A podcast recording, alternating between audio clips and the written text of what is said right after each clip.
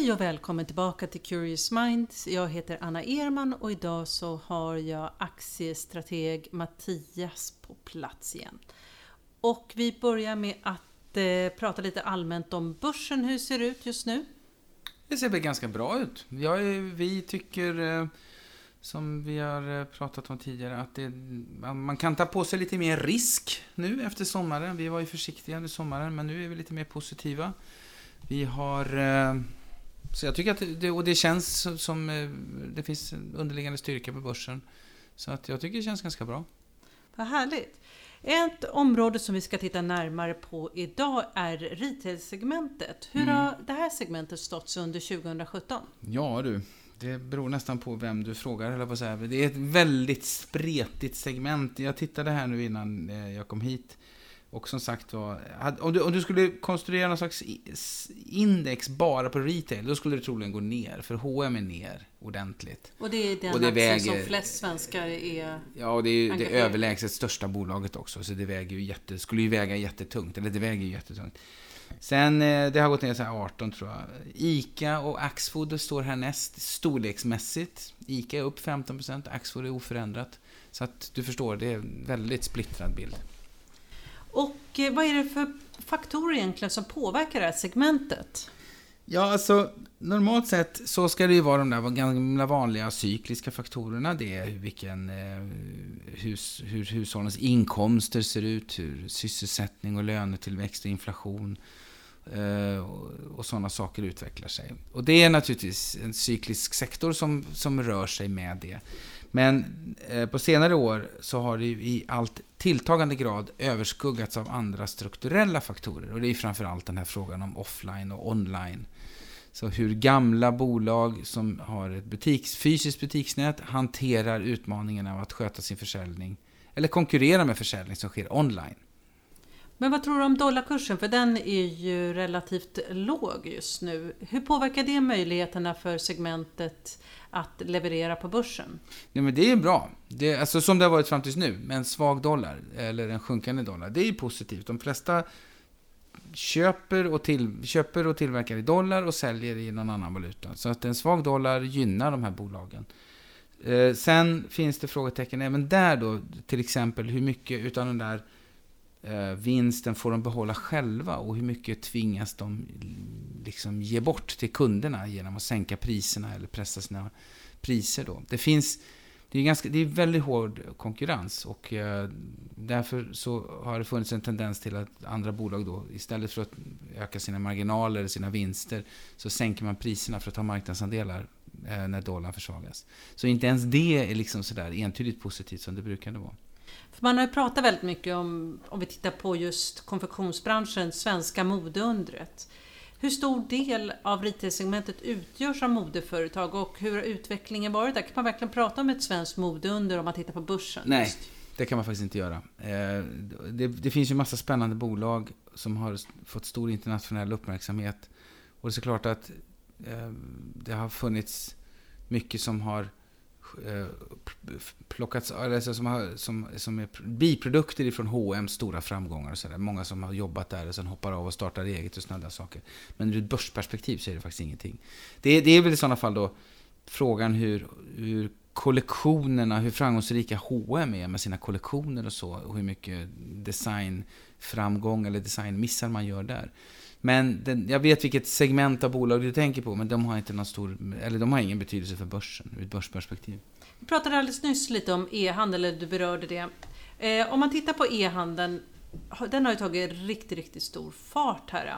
Hur påverkar det analytikers syn på just retail-segmentet? Ja, de är ganska tilltufsade. H&M är ju det bästa exemplet då. Det var en sån där som alla hade köp på, som var en evig tillväxtstory och sådana där saker.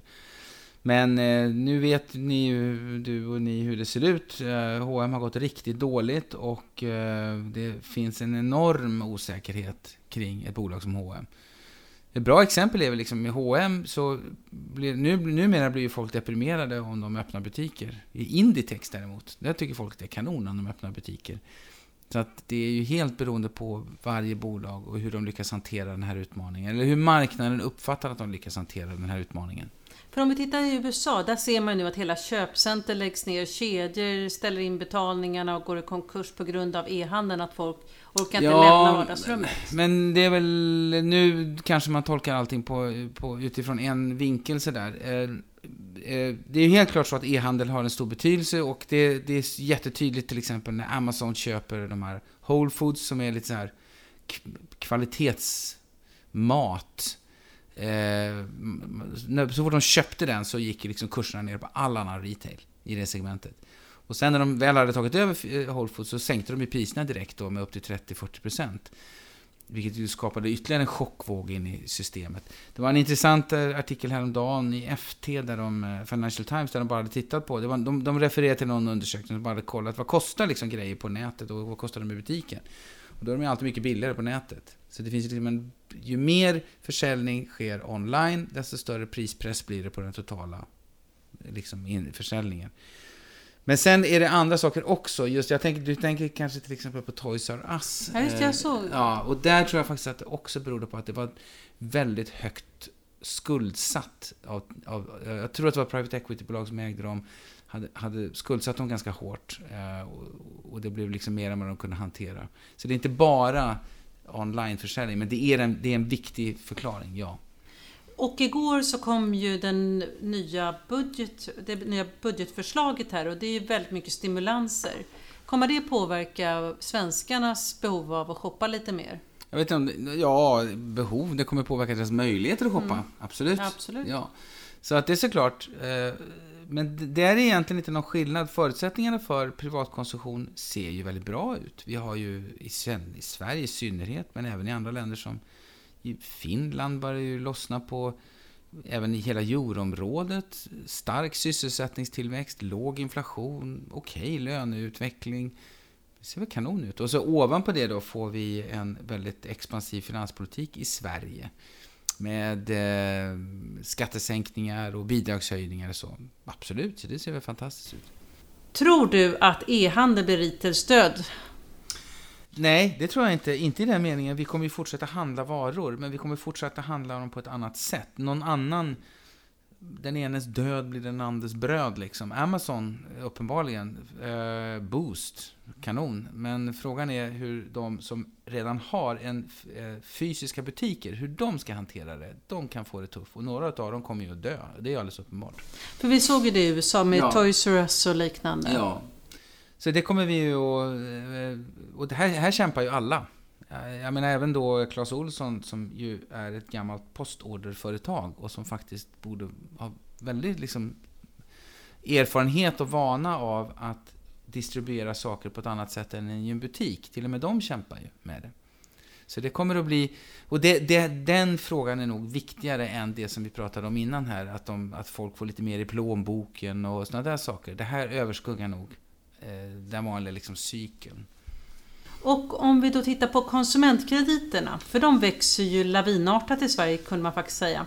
Eh, finns det, är det en indikation på ökad konsumtion eller är det så att man använder de här pengarna på något annat sätt? Eh, ja du, det är lite olika bilder utav den svenska konsumenten. Det är faktiskt också så att vi har Eh, en ganska hög sparkvot i Sverige. Faktiskt, alltså i den meningen att vi har som andel av disponibelinkomsten så, så sparar faktiskt folk mycket pengar också. Så det är lite olika signaler ifrån lite olika indikatorer. Vi har en väldigt stark kreditcykel i Sverige totalt sett, men den skulle jag vilja påstå framför allt drivs av bolån. Så eh, det, det är det vi lånar pengar till. Absolut, men jag tittade just på den delen som avser... Som bara är konsumentkrediter. Ja. Ja, ja, det har jag faktiskt ingen smart uppfattning om. Eh, jag tror inte att på marginalen spelar jättemycket bety- har jättestor betydelse för att vi har en så pass bra disponibel inkomstutveckling. Så jag tror att det är den viktigaste grejen. Och om vi då blickar framåt, för den som är intresserad av börsen och att investera i retail-segmentet, vad är din syn på 2018? Ja, jag tror att det har ni, jag tror inte man har så mycket glädje av att prata med en sån som mig. Faktiskt, om man ska vara helt ärlig. Det här, är, det här blir stockpicking. H&M eller Inditex, Clas Ohlson eller Boost, eller Ica eller Axfood. Alltså det, det, här blir, det här blir att ner till varje enskilt bolag bedöma. Hur klarar man av den här utmaningen? Och kan man, hur hanterar man den? Eller är man en nykomling i rätt segment? Som kanske Booster då till exempel. Det blir väldigt bolagsspecifikt. Så att inget generellt för hela segmentet alltså? Nej, jag har väldigt svårt att... Nej, det, det är nästan... Och det, det, bästa sättet att illustrera att det hur svårt det är, det titta på kursutvecklingen. H&M ner min 15, eh, ICA upp 15, Axfood 0. Så eh, i snitt är det noll, liksom. Men däremellan är det ju enorma skillnader mellan vilket bolag man väljer. Och du ska åka till USA nu och mm. Eh, ta lite temperaturen på USA, så vi får ju anledning att prata mer om ja, USA absolut. i nästa podd. Vi har massor med spännande möten, både allmänt politiska och lite specifikt också kring läkemedel. Så det ser jag mycket fram emot, att få, få resa dit och få komma hit och berätta om. Jättebra, tack ska du ha. Tack. Hej.